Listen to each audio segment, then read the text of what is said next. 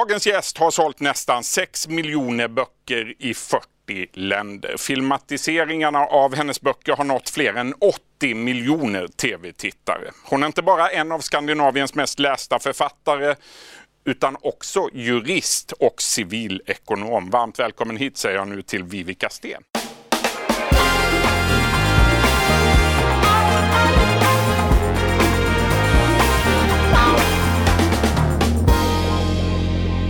Vad säger du om den presentationen?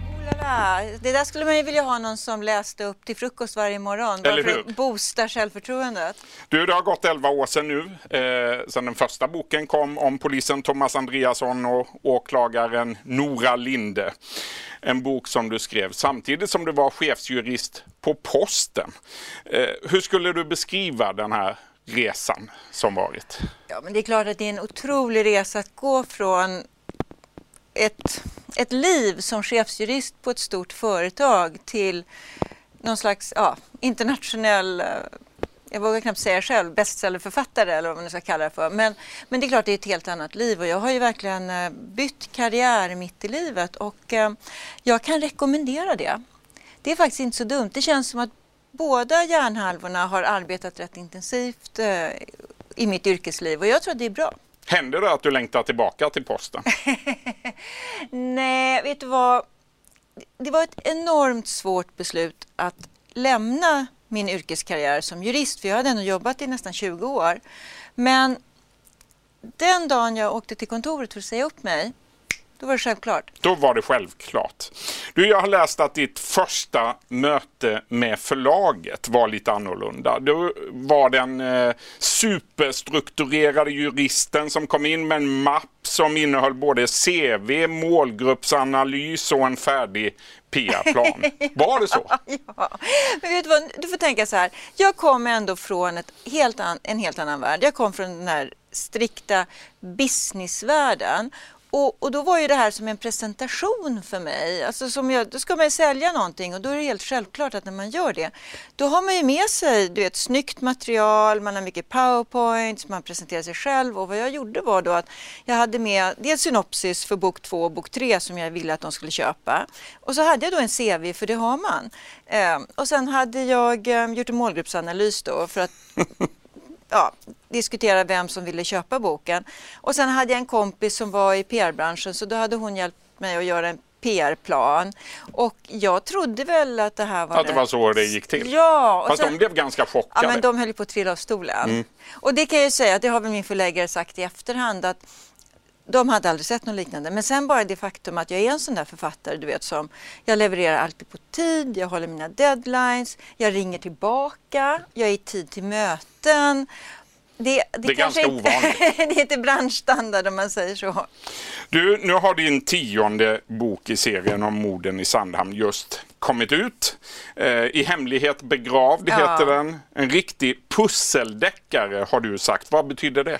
Jo, men det betyder att varje gång du tror att du har listat ut hur det hänger ihop så kommer en ny pusselbit och så kastar du upp alla, du vet, hela Du blåser läsarna lite Nej, längs inte med blå, vägen. mer det att jag försöker hålla spänningen uppe. Mm. Så det, det, är en, det är en sån här riktigt klassisk eh, deckare, du vet, en sån här hurdanit kallar man det för. Alltså, du tror hela tiden att du vet vad som händer, men det gör du inte. Och i, i, i Hemligt begravd, det börjar ju med att man spränger på ön Telegrafholmen som ligger mitt emot Sandhamn, för man ska bygga hus. Och det har man inte fått göra, så det har varit helt obebyggt. Alla har vetat att det har rått byggförbud.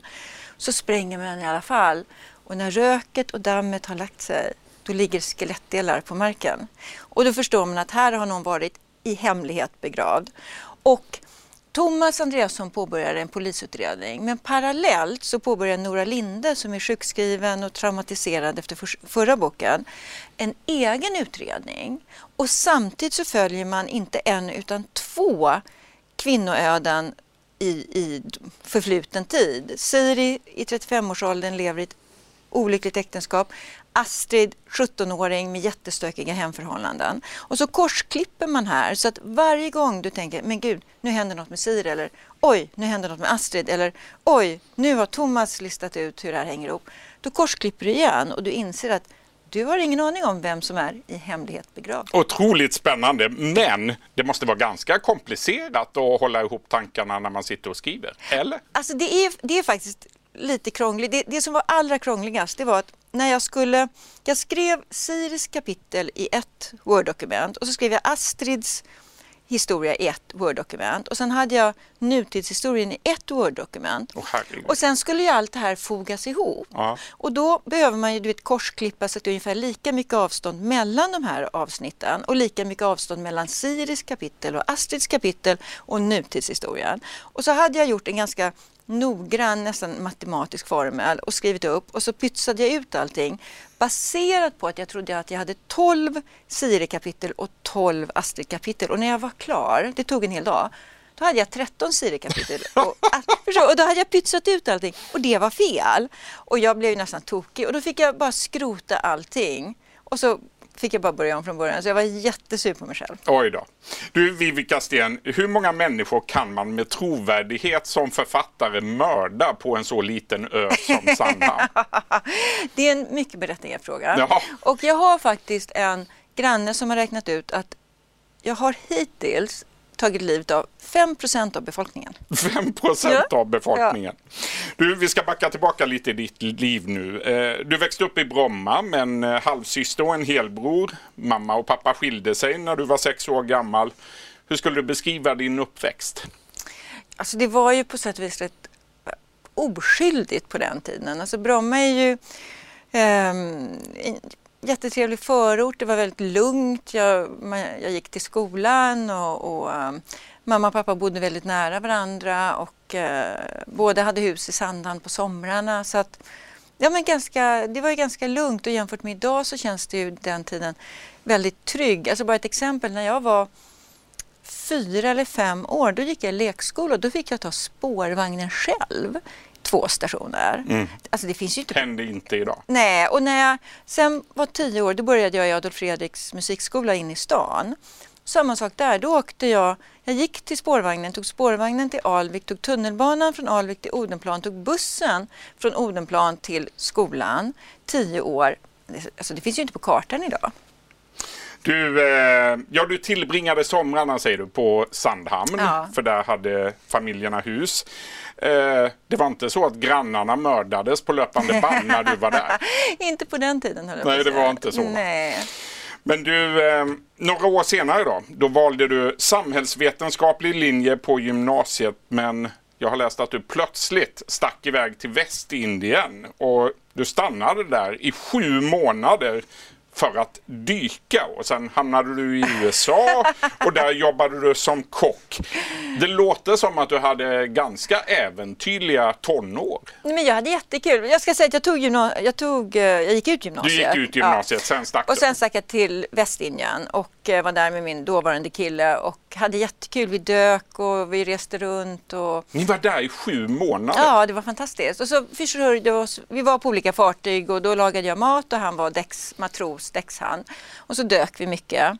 Och sen var vi någon månad i USA och sen eh, åkte vi tillbaka till Sandhamn och då jobbade han som hamnkapten och jag körde den här passbåten, färjan som går mellan Sandhamn och Lökholmen. Och vi hade jättekul. Men sen ville han åka till Tahiti året efter och jag ville lära mig språk så då stack jag till Berlin och så pluggade jag tyska en termin.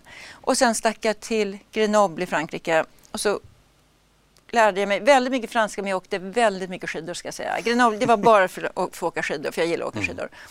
Och sen började ju mina föräldrar, eh, alltså inte så subtilt, titta på mig med armarna kors och fråga när jag skulle börja plugga.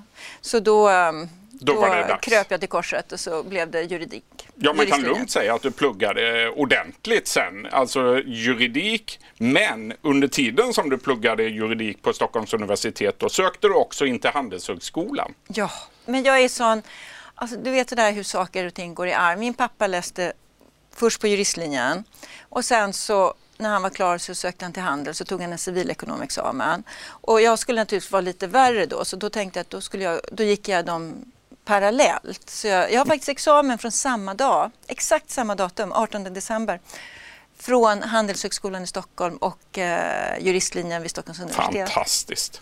Du, på juristlinjen, där träffade du maken Lennart som du läst familjerätt ihop med. Det var ett väldigt bra tillfälle att träffa någon. Ja, det var det va? Ja. Ni hade alltså stenkoll på varandras rättigheter och skyldigheter kan man konstatera.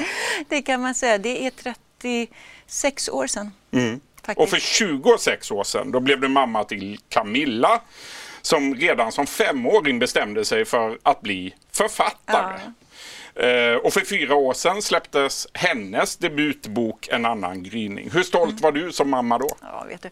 Jag tror faktiskt att man är stoltare över sina barn än man är över sina egna framgångar. Alltså, att hon är så duktig och att det går så bra för henne, det gör mig lyckligare än, än när mina egna böcker går bra. Alltså, det finns någonting fantastiskt när, när det går bra för ungarna. Och hon är så Hon är ingen otroligt- konkurrent. Nej, men Camilla är, dels är hon ju så otroligt begåvad. Så jag är helt övertygad om att nu, hon tycker det är lite jobbigt fortfarande när folk säger att det här är, Camilla, det här är Vivica Stens dotter. För det säger folk ibland. Eller skriver om henne. Men jag vet att du vet om några år då kommer folk säga att det där är Camilla Stens mamma. Du, eh, ni har ju skrivit böcker ihop Ja, också. det har du vi. och din dotter. Det vi. blev en barnbokstrilogi, Havsfolket. Och, Mm. Och det bara var- under förra året släppte ni tre böcker ihop. Alltså det var ju, precis, vi har ju släppt eh, tre böcker då. Djupgraven, Sjörök och Mareld i Havsfolket-trilogin. Och det är ju fantasy. Det handlar ju om att eh, mm, stora magiska vidunder vaknar till liv av miljöförstöringen. Det är ett starkt miljöbudskap i Havsfolket-trilogin.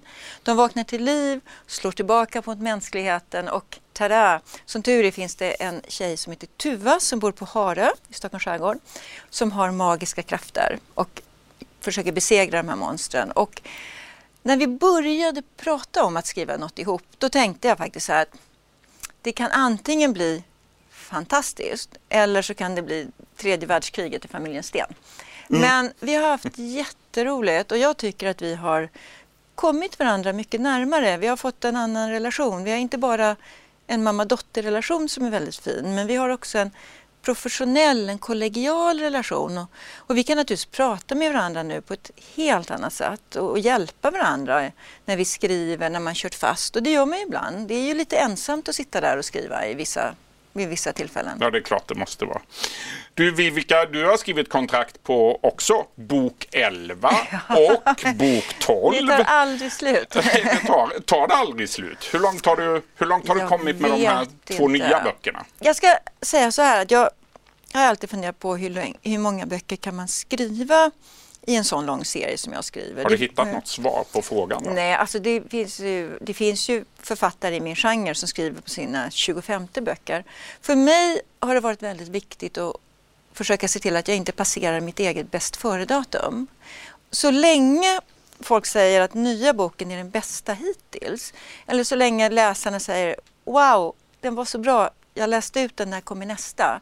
Då känner jag att det finns hopp så att säga. Men jag ställer väldigt höga krav på mig själv som författare och jag ställer jättehöga krav och det, det kan nog mitt förlag intyga. Jag ställer väldigt höga krav på alla som, som jag jobbar med men, men jag ställer högst på mig själv. Alltså jag, jag måste klara av att leverera kvalitet och så länge jag gör det då, då kan jag nog fortsätta skriva länge. Vi avslutar med att säga då Vivica Sten till tittarna att läs nu Vivica Stens bästa bok hittills så skriver hon eh, fler i serien om Sandhamn. Stort tack för att du kom till programmet idag. Du har lyssnat på en podcast från Expressen. Ansvarig utgivare är Klas Granström. Ett poddtips från Podplay. I podden Något Kaiko garanterar östgötarna Brutti och jag, Davva, dig en stor dos skratt. Där följer jag pladask för köttätandet igen. Man är lite som en jävla vampyr. Man har fått lite blodsmak och då måste man ha mer. Udda spaningar, fängslande anekdoter och en och annan arg rant. Jag måste ha mitt kaffe på morgonen för annars är jag ingen trevlig människa. Då är du ingen trevlig människa, punkt. Något Kaiko, hör du på Podplay. Därför arkadeinerna.